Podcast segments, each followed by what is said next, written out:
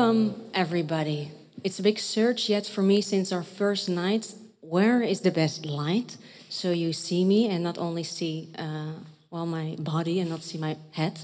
Um, welcome, everybody, at our first Botanical College tour here in the wonderful world of Hortus and more specifically in the Palmenkas.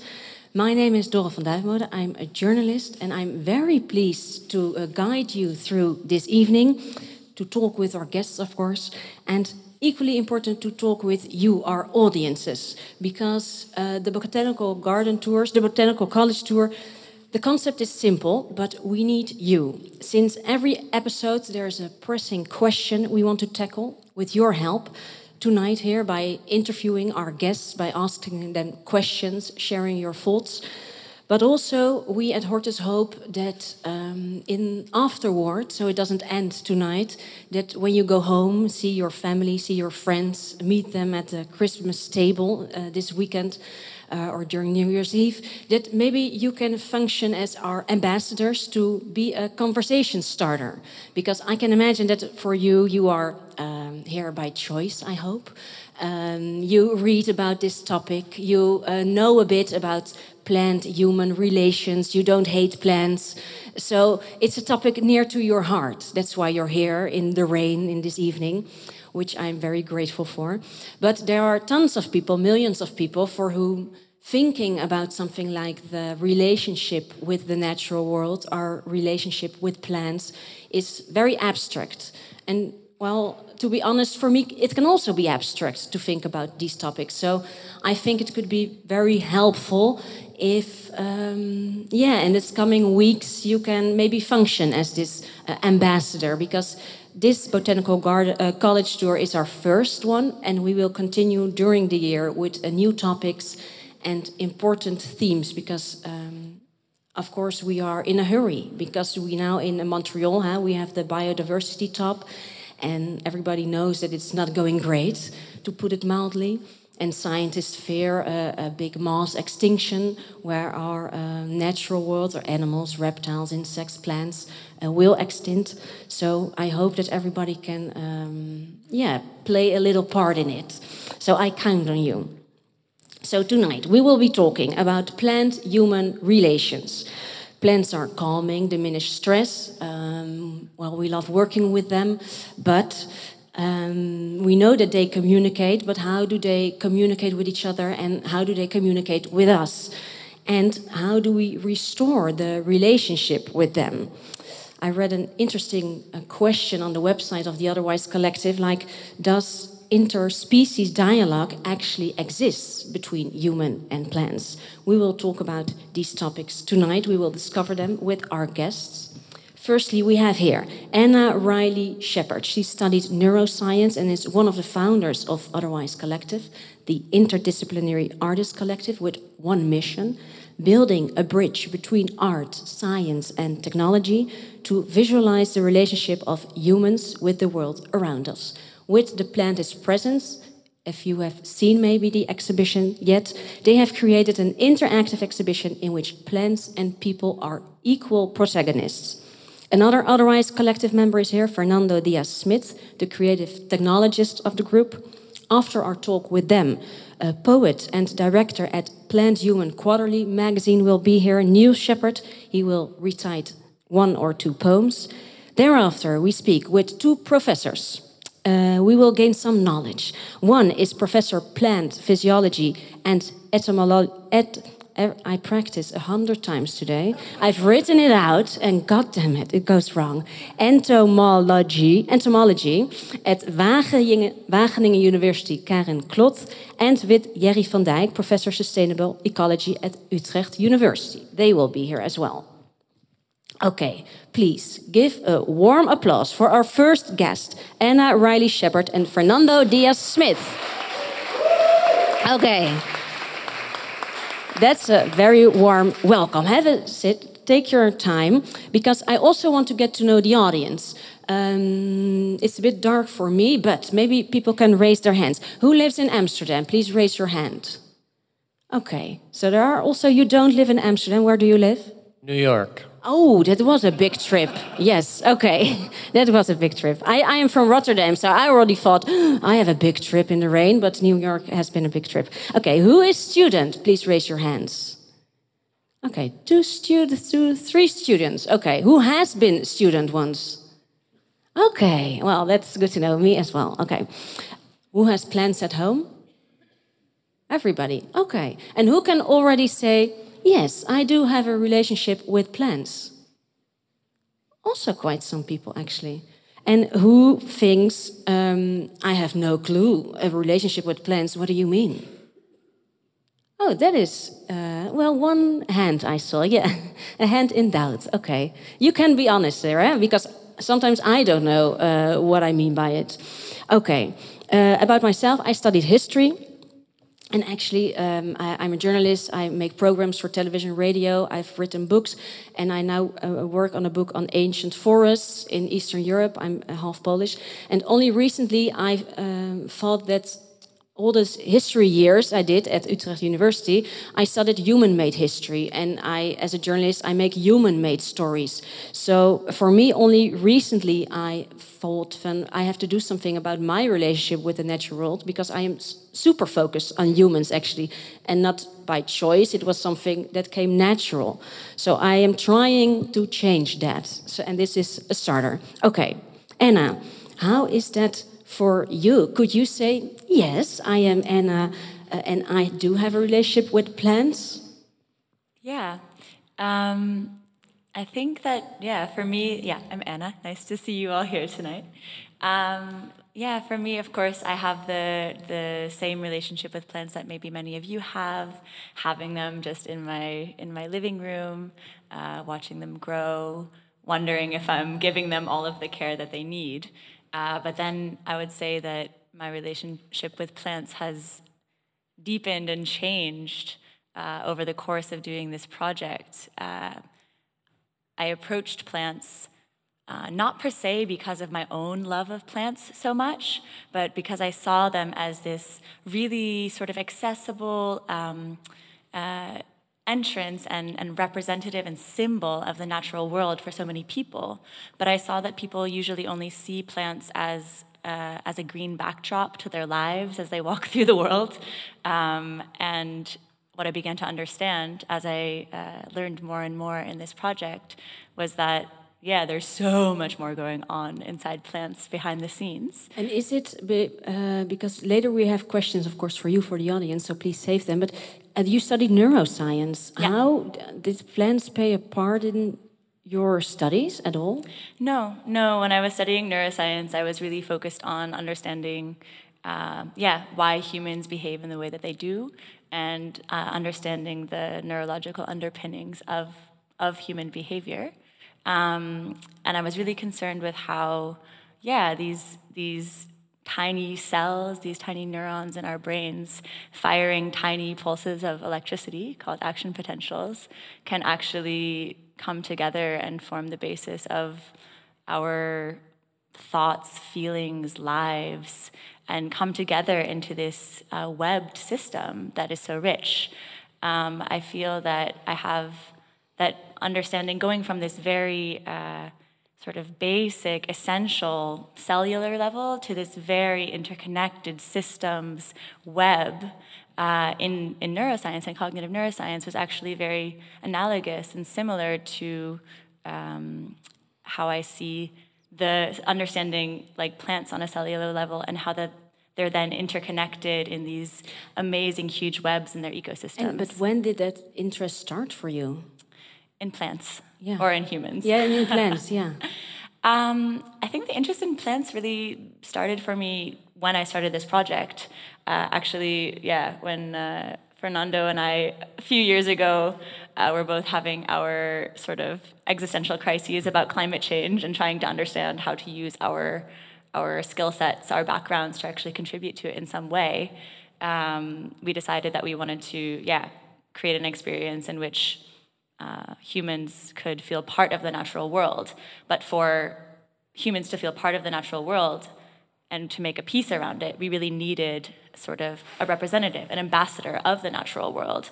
And that's when our we we zoomed in on plants as like, wow, when people think nature, they think green. When people think green, they think plants. Let's go for plants, let's connect with plants let's make so people the, feel you connected. use them as a sort of marketing tool, actually, in the end, because they're the easiest to connect with. Well, th there are actually pl plenty of easier. Like, if we were just going for a marketing tool, we would have used like a panda, you know. Yes, so true, true.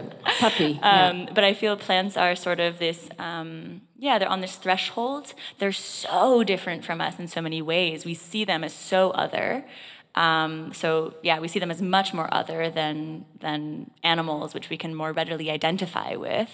Um, but they're not so uh, sort of unrecognizable as per se fungi or something like that. Uh, so in in our goal of trying to uh, get people to see uh, other parts of the world that we normally see as other, as actually more close and more connected to ourselves and our lives and our actions. We thought plants had this sort of medium, this sort of mid ground where we could still approach them. People still, yeah, have a care for plants. They're obsessed with plants. They keep them in their houses. Many, yeah, especially of our generation. Um, yeah, but they're they're still very other. Yeah, so we can change that. You are you both because there are three founders, right, of the Otherwise Collective, and you are two of them. Okay, Yeah. so we are very lucky because now it's a big group, eh? ten plus people. You are 16 now. Sixteen people are yeah. I read a nice fragment on the website. Let me uh, read it. Um, on the website of the Otherwise Collective, a better story of ourselves, our planet, and our future. The Otherwise Collective bridges art, science, and technology in service of story. Our research seeks to restore relationships of symbiosis and economies of reciprocity with our human and more than human worlds. That's quite something. How did you find each other in determining this goal and finding each other in seeing, okay, we have the same aim? You want to speak on this or shall I?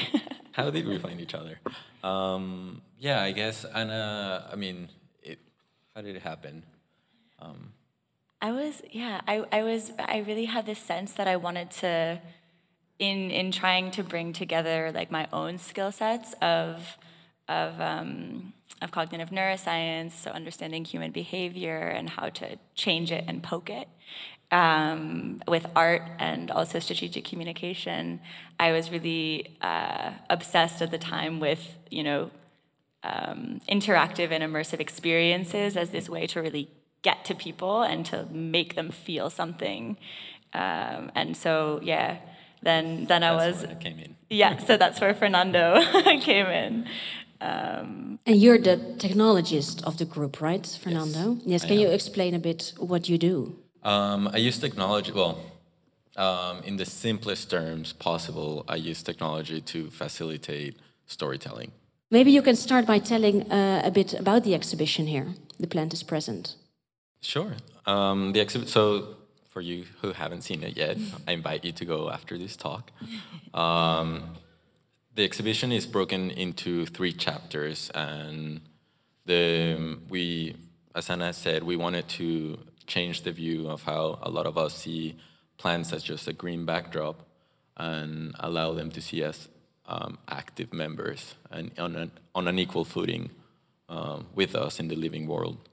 So we wanted to start the experience from where we're standing, which is from an outside perspective in. And the first room takes that point of view. So we take Signaling languages. uh, yeah. so in the first one, we, it's more about the signaling languages, and you're looking into the plant world, seeing what they're already doing without us. And Like- they're actively communicating between each other using different methods, uh, and we chose to focus on four of them. hydraulic signaling, uh, carbon and other compound signaling, um, VOC, so volatile organic uh, chemical uh, compound signaling, so moving through the air, and electrical signaling. And our lovely uh, plant scientists will tell you much more about these these signaling systems uh, in, I guess, the, the later part of the talk. Because you are the technologist, and the multidisciplinary approach is really the, the cornerstone of what you do, I think, as the Otherwise Collective. What is your background? Industrial design. Industrial design. Yeah. And did you immediately had a plan for this exhibition? Absolutely not. Um, we it was very organic process of figuring out first, uh, delving into the science, understanding um, what is there, what's is, what is known. Um, we didn't want to just make a direct uh, relation or misrepresent science and say like, oh, we can actually translate and use machine learning to like say hello to a plant because we can't, and it's a very different um, way of approaching and relating. But we knew that technology could uh, facilitate um, meaningful interactions with the living world. And was it for you the first time that you implemented uh, like the natural world in your work and vice versa? In such a tight and close relationship, yes. Um, How was uh, it? before, it's always been sort of referential, but this time it was actually like um, very much intertwined, and we actually are growing it, and as as having uh, a living um, plant as as a cast of or a team member almost of our the plant project. as a team member yeah and what did the plant learn you what did it teach you slow down. What do you mean by that? Um, well yeah as many of you probably know uh, plants are existing sensing reacting uh, on a much slower on a much different time scale than than humans. Uh, we yeah perceive and, and respond and move through the world uh, very very very speedily um, yeah whereas plants of course are yeah they're uh, they're rooted in one spot for the most part they don't move uh, they sort of bring the world to them um, and their signaling systems uh, yeah move much more slowly and so in order to have a meaningful interaction. and they, they outlive us by hundreds or thousands of years. So, you know, in the eye of a plant, we're just, we're like, I don't know, the lifespan of an insect, you know? So that's, that's always uh, humbling to think about. But so in trying to have a, a meaningful interaction with, with a plant, um, we are, one of our big insights was that we really, we have to slow down and we have to pay attention. It uh, reminded the exhibition because I saw it, of course, as well, and it reminded me of a, a quote I once read of uh, Hobbes, the philosopher, about there's movement in everything, mm. in uh, wood, in tables, in stones, only on a different pace, and yeah. you should uh, be aware of it because we humans, as you say, are uh, super fast and uh, crazy fast. Yeah, and and of course we wanted to walk a fine line in creating, of course, an art piece uh, between you know making the signaling systems and and uh, yeah goings on of plants accessible to the human time scale, but also trying to make humans slow down to the plant time scale. So, in, for example, in the first room in the tropics, you'll see uh, projections and sound uh, representing the different uh, signaling systems, as, as Fernando was saying. And those we've actually, most of them, we've sped up to our time scale so that we can appreciate them as we walk through in a passive way. But then, moving into the second room, we work with uh, we work with bioluminescent algae that uh, produce yeah these uh, electrical potentials when they're they're stimulated, um, and that causes them to actually produce this beautiful blue blue light. And um, and there, originally, our plan was to uh, put them in bags, put them on the floor, and have a light up floor that everybody could walk over and have fun. And it was would have been super gratifying. Then it turned out that the Hortus, uh, the room there, was actually too bright for, for the glow in the dark effect to work. And so what we ended up having to do instead was uh, make people go into a booth, take a little stirring stick, and just gently and slowly stir them around. And we realized actually you yeah, you experience such a stronger and more genuine interaction with those algae when you're forced to just take a moment and stop and slow to their level um, than when yeah you're just stomping all over them. So uh, we found that really a metaphor of the transition and the relationship that we're trying to provoke between humans and the living world. And you um, you said that the worries about the climate crisis were a trigger for you to go through this process of uh, changing maybe your perspectives on work and spending your time differently. And I also read on uh, the Otherwise Collective website that um, we should see ourselves not as um, as a part of nature, not as a part of nature, but as a part of nature. But when have we checked those boxes? When can you say, okay, of course, I'm a human being, so I am nature, uh, but I'm now a part of it? Because for people who might not uh, be in this process yet, what would you recommend them? It's it's an active um, work. It's, you never just reach it and are done with it, but really you have to actively work on on being a, a part of and how do you do that? Slowing down, paying attention, uh, being really, uh, for myself, um, meaningful in the interactions. Uh, and for me, that has uh, spilled into my social life as well. So it hasn't. It has not only changed the way I see nature and how I relate and how I want to take care of it, but it has also changed how I relate to the people around me and, and how I want to take care of them. Yeah. And for you, Anna? Yeah, I was gonna say we uh, we have sort of three uh, principles, guiding principles, uh, terms that we are going for. Um, the first one is is uh, conviviality. The what second one, I'll get into that. I'll get into that. The second one is intimacy, and the third one is reciprocity. So, conviviality uh, means a sense of living together with the living world uh, that you recognize. Yeah, that all conviviality. of conviviality, nice living word. together with. Yeah. Uh, so you recognize that, yeah, you are sharing ground with, uh, you are sharing the planet with, um, and you are not other from. Uh, and yeah, this uh, this this question of uh, do you see yourself as other than or the or part of really um, uh, yeah, underpins whether we are able to extract from and exploit the natural world. Yeah. So you cannot exploit what you cannot other. If you see yourself as the same, or not even the same as, but as part of something, you don't exploit it. What I find challenging, because of course I can, uh, I think these things as well, but I, I find it challenging to continue thinking like this and continuously practicing what I preach and continuously getting myself, uh, knocking myself on the door. Hey, watch out! You're not. You're going away from the path. So how do you do I've that? I've killed my fair share of houseplants in my time.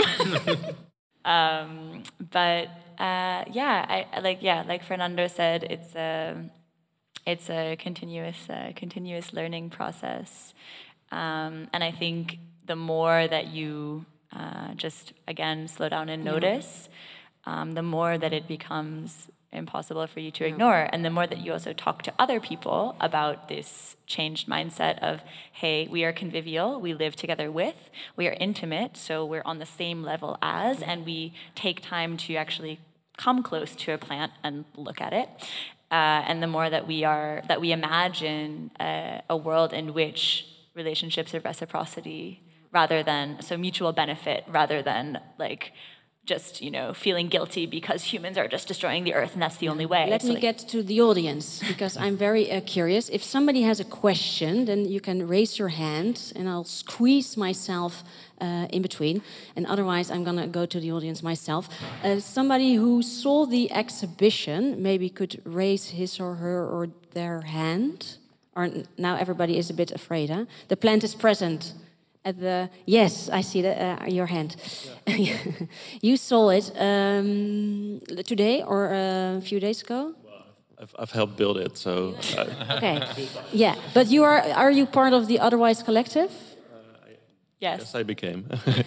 How was this process for you to dive into these topics?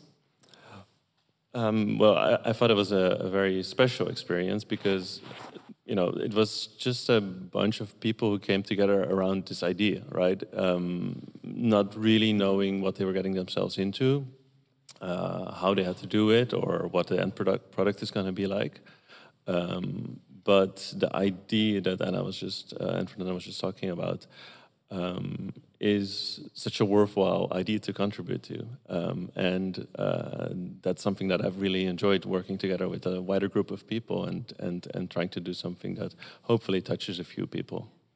That is uh, the, the, main goal actually that you hopefully that it touches a few people are there people who uh, for whom these topics are super uh, everyday topics or maybe people who find it uh, more challenging to think about these uh, topics and it is new yes of course. do plants have a soul what do you think the human beings have. No, there was another question. If human beings have a soul, let's start with the plants today. Yeah, Anna. Um, I might punt that question to uh, to our plant scientists, but um. according to you, we will save it for later for the scientists. But according to you, I mean, I have a thought, eh, which is assuming we have a okay, soul, okay. we plants do too. so, like, if the assumption is that we have a soul, I think plants do too we, you can yeah. question if we have a soul. yeah, in the sense that there is a, some life force which is beyond the the mechanical and the um, and the biological that comes together when you have a complex enough arrangement of cells. then yeah.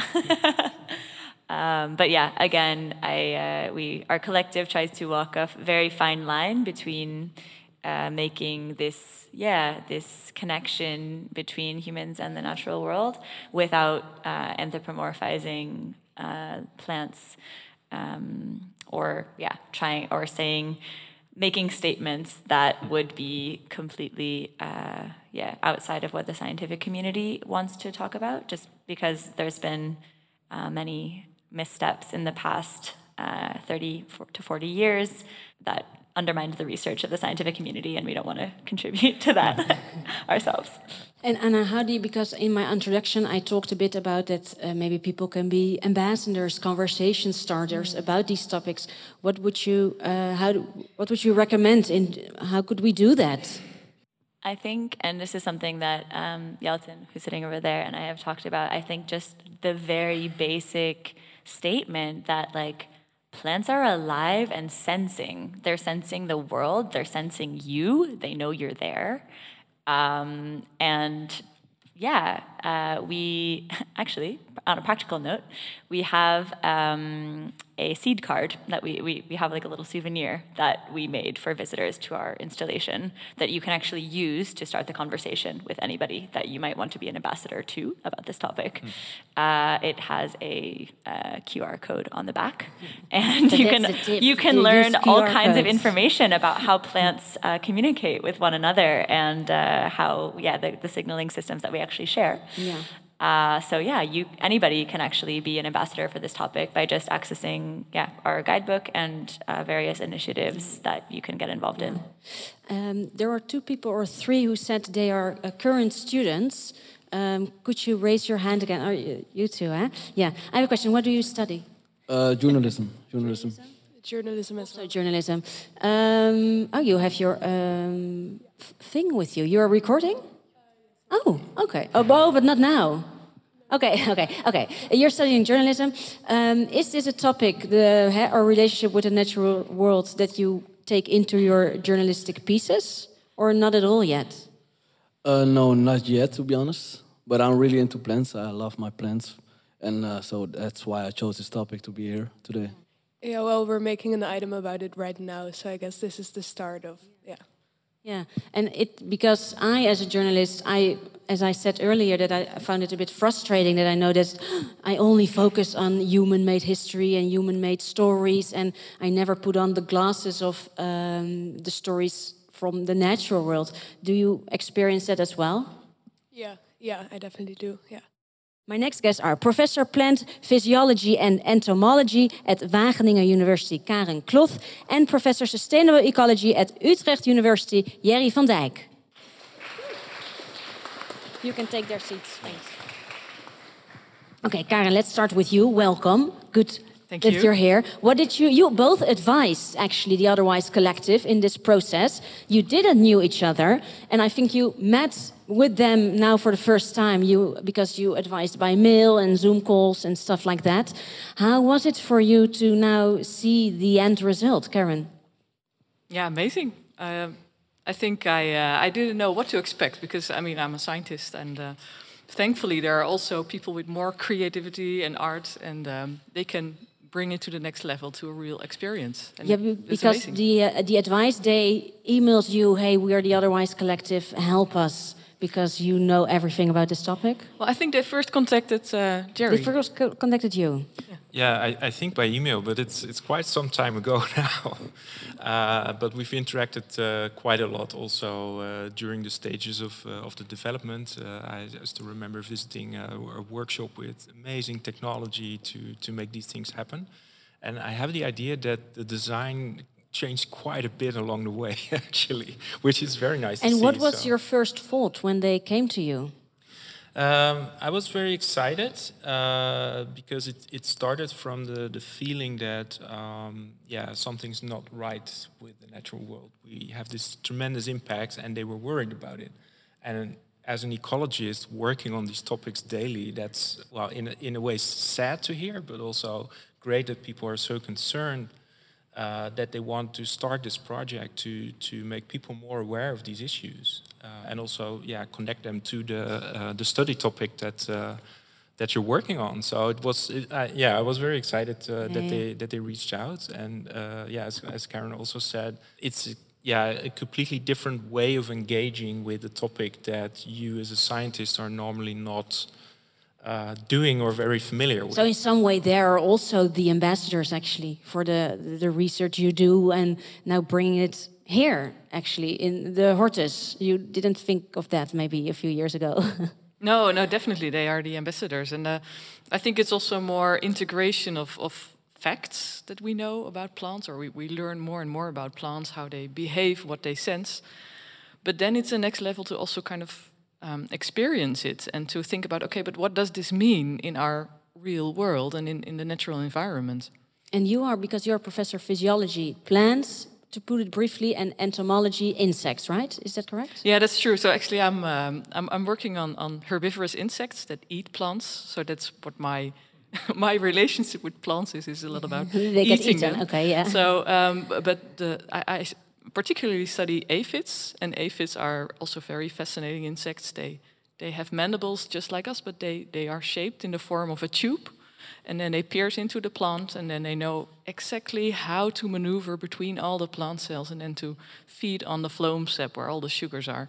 And I was so fascinated when I found out um, what they do that I also got extremely fascinated by how the plants work and how they, um, well, what the phloem is and yeah, how, and they, how they the communicate. commu- yeah, how about they communicate? Because in the exhibition there are four languages being shown. Could you briefly explain uh, what four languages those are?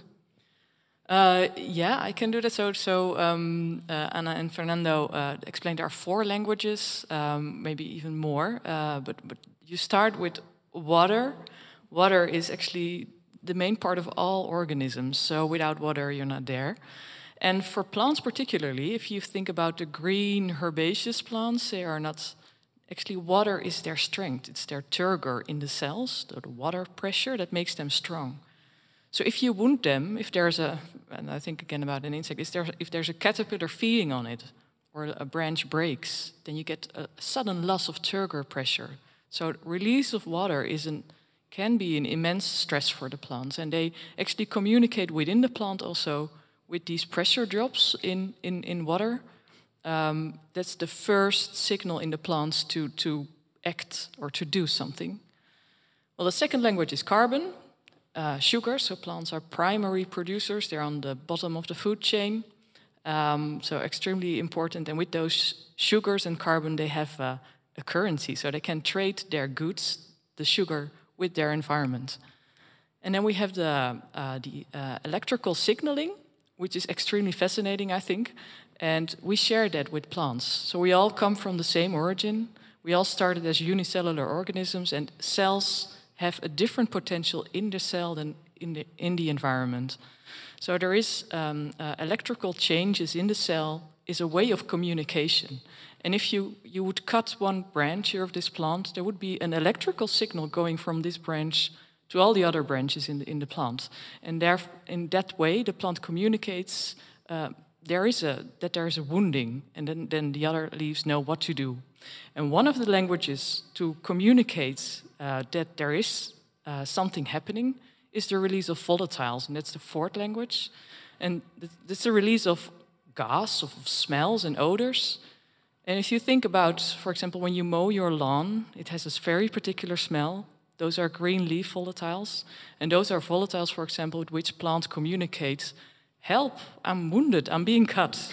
Oh, and then it can uh, uh, cause a, re a, response in other plants to do something. It can also cause insects to arrive to that place because they know, okay, there's wounding, and we should uh, be here to eat, or we should be here to eat uh, other insects. Yeah, and but it's also about which one is then our shared language. Is that the the water?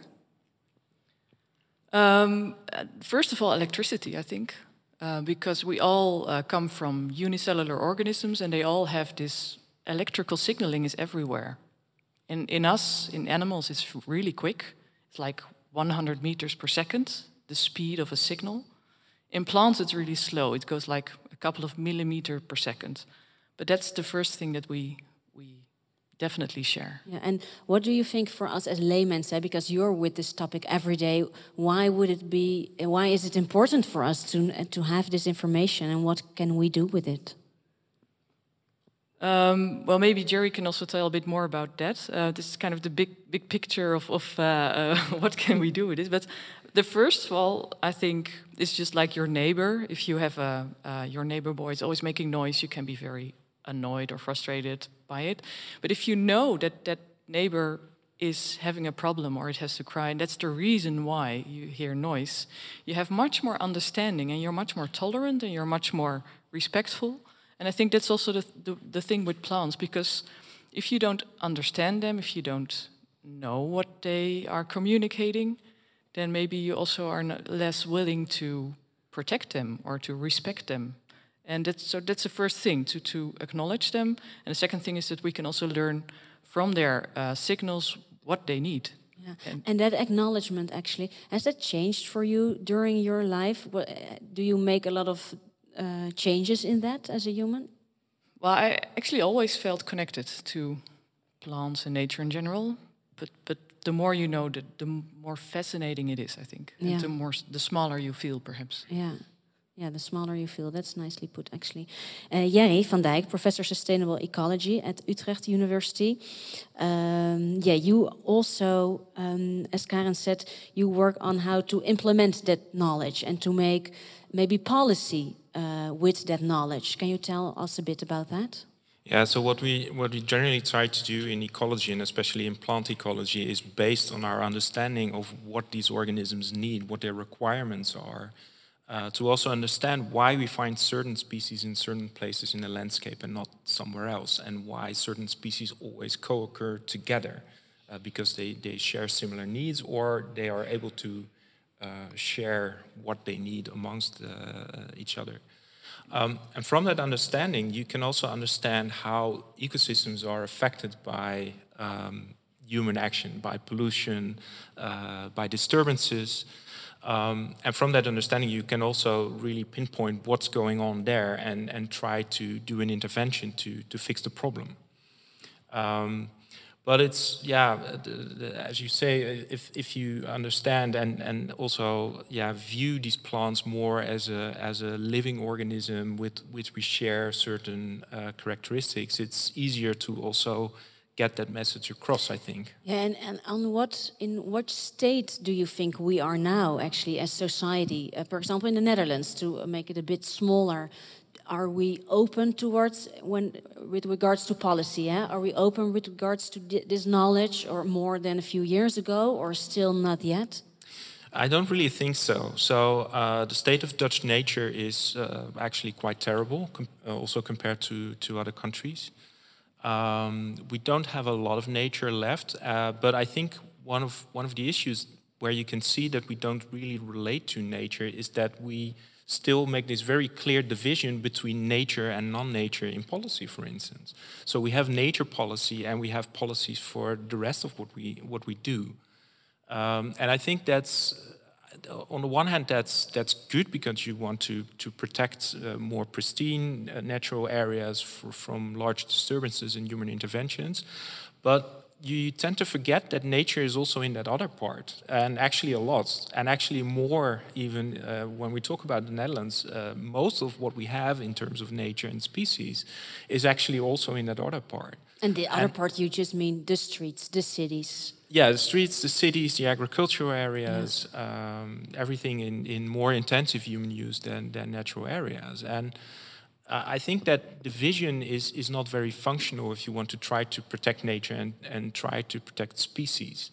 But is it possible to, um, how do you say, opheffen, to get rid of that division? Because it sounds like an enormous task.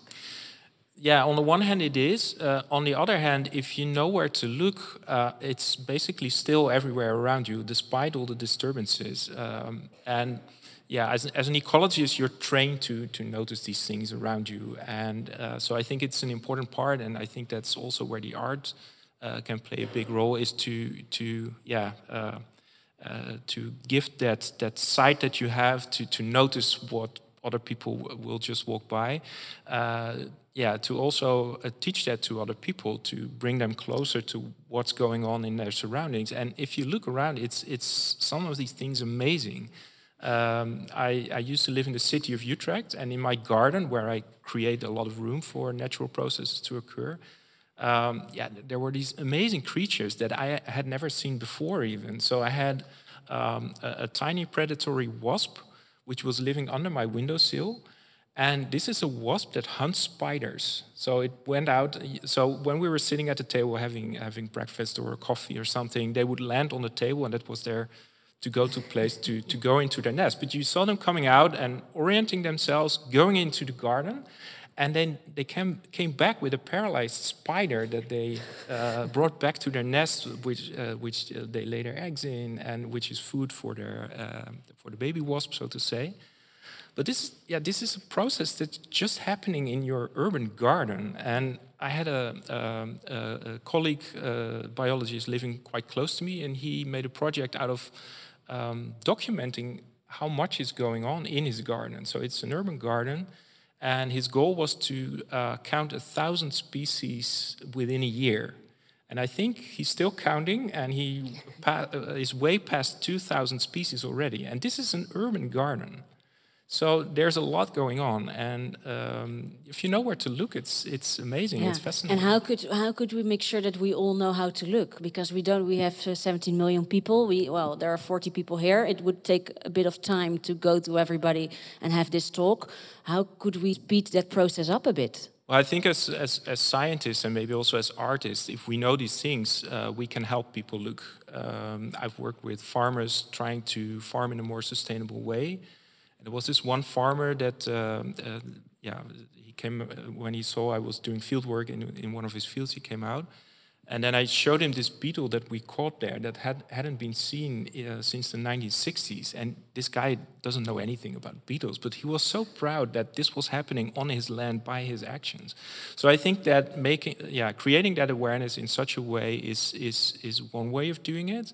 Um, and I also was really struck by uh, uh, by what Anna said that um, plants. If if you learn about plants, it's also about slowing down. And I think as an ecologist, that's one of the first things that you're trained in. I can still remember when I started studying plants, I didn't know any of the species, so I just yeah, and I had to do it to to get my PhD. And what I did was just I've, i think I've been sitting down on the ground with my book with all the plants for at least two weeks to get to know all the species in, in my field site. So you really need to slow down. And if you slow down, you start noticing things. And is it because you already mentioned that the farmer uh, you talked with, because you also work at the uh, national nitrogen problems here in the Netherlands, uh, which we have, and you talk with farmers and politicians. Uh, what kind of talks are those? uh, difficult ones, usually. We use the land and, and our surroundings also to make money. Um, so it's always this, this trade off between, yeah, what, what can I do to, to run a good business and, um, yeah, what, what trade offs do I have to make with, with my impact on the natural world there.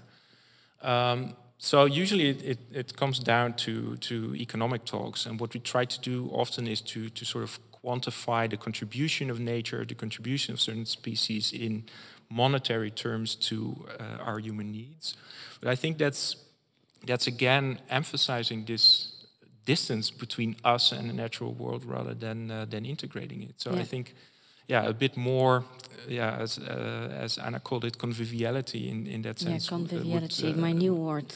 yeah, would, would go a year, I long way. But it's a, it's a difficult discussion because if you if you ask a farmer to change their business from one day to the other in the current economic system, um, yeah, they would go bankrupt. Uh, so you cannot expect uh, somebody to do that. So what I've started doing, and so I started my academic career as an ecologist, is actually also starting to study how can we make these change processes happen? How can we um, design businesses not around um, adjusting our environment and adjusting the landscape completely to our needs, but building a business from the bottom up. Like, what, what does this place, what does this landscape allow me to do, and, and what can I do to, uh, yeah, to fulfill my needs in that same place without sacrificing those of others?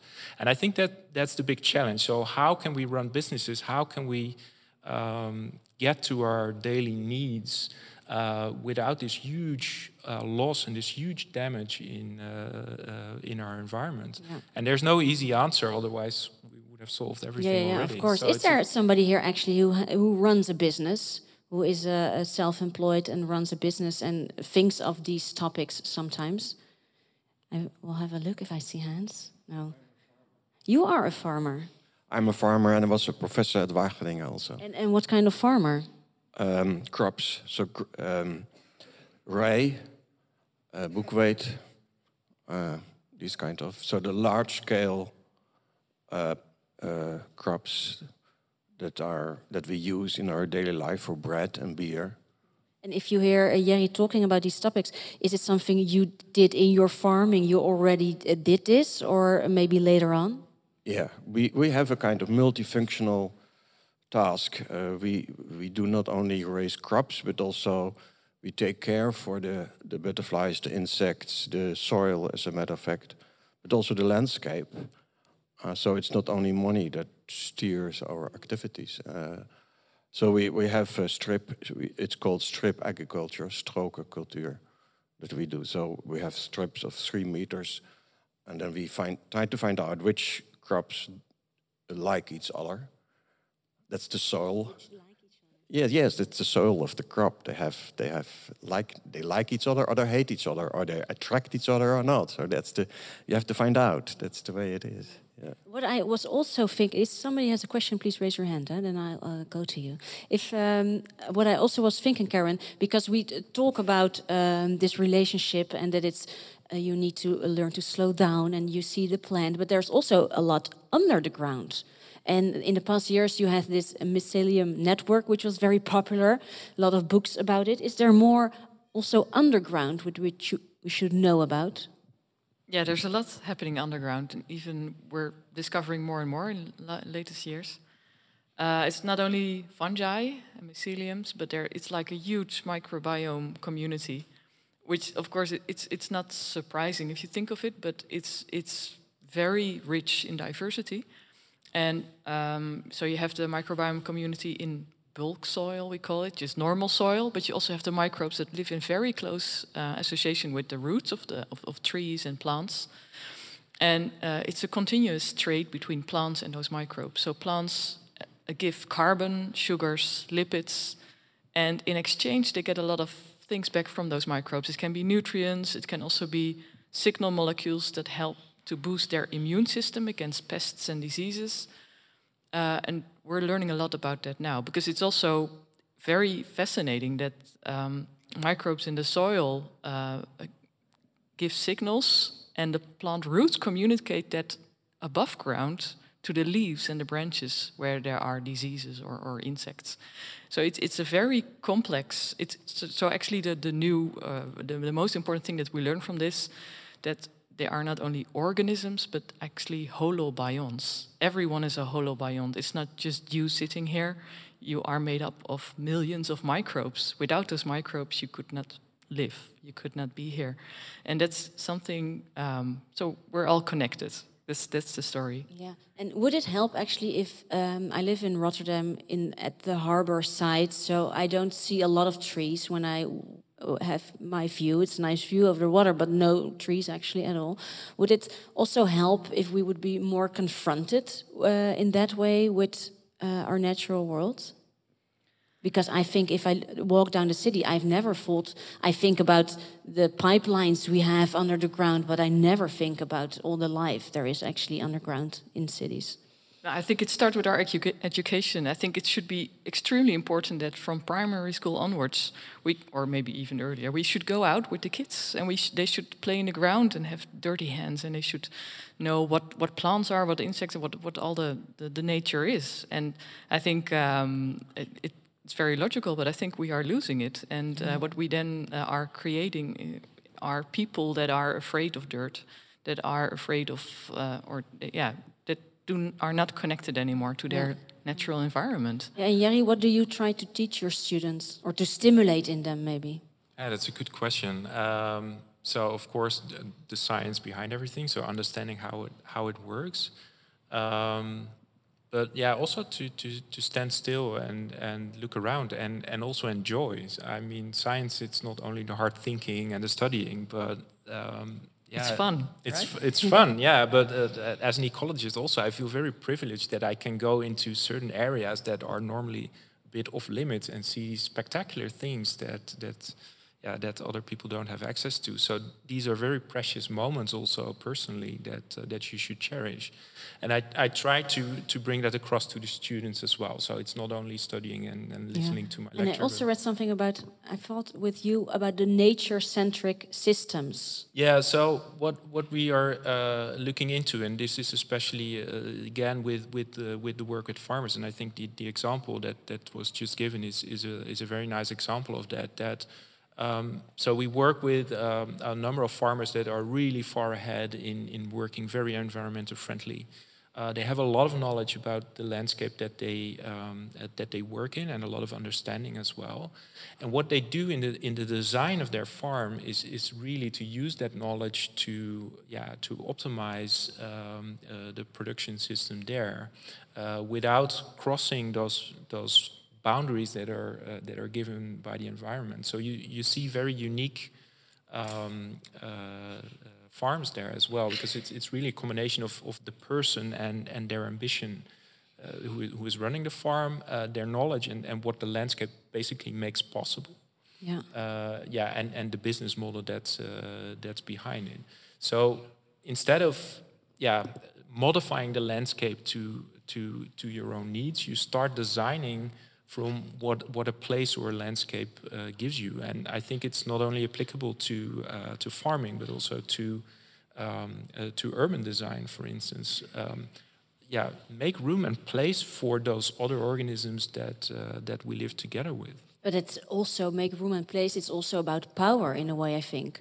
Who has the power to decide which plants are being um, like plants, not plants, are being uh, granted, and uh, well, money uh, grounds in city is expensive. So do you choose the apartments and get the money, or do you leave room for it? So who are the decision makers, and are they the ones uh, who are on this track?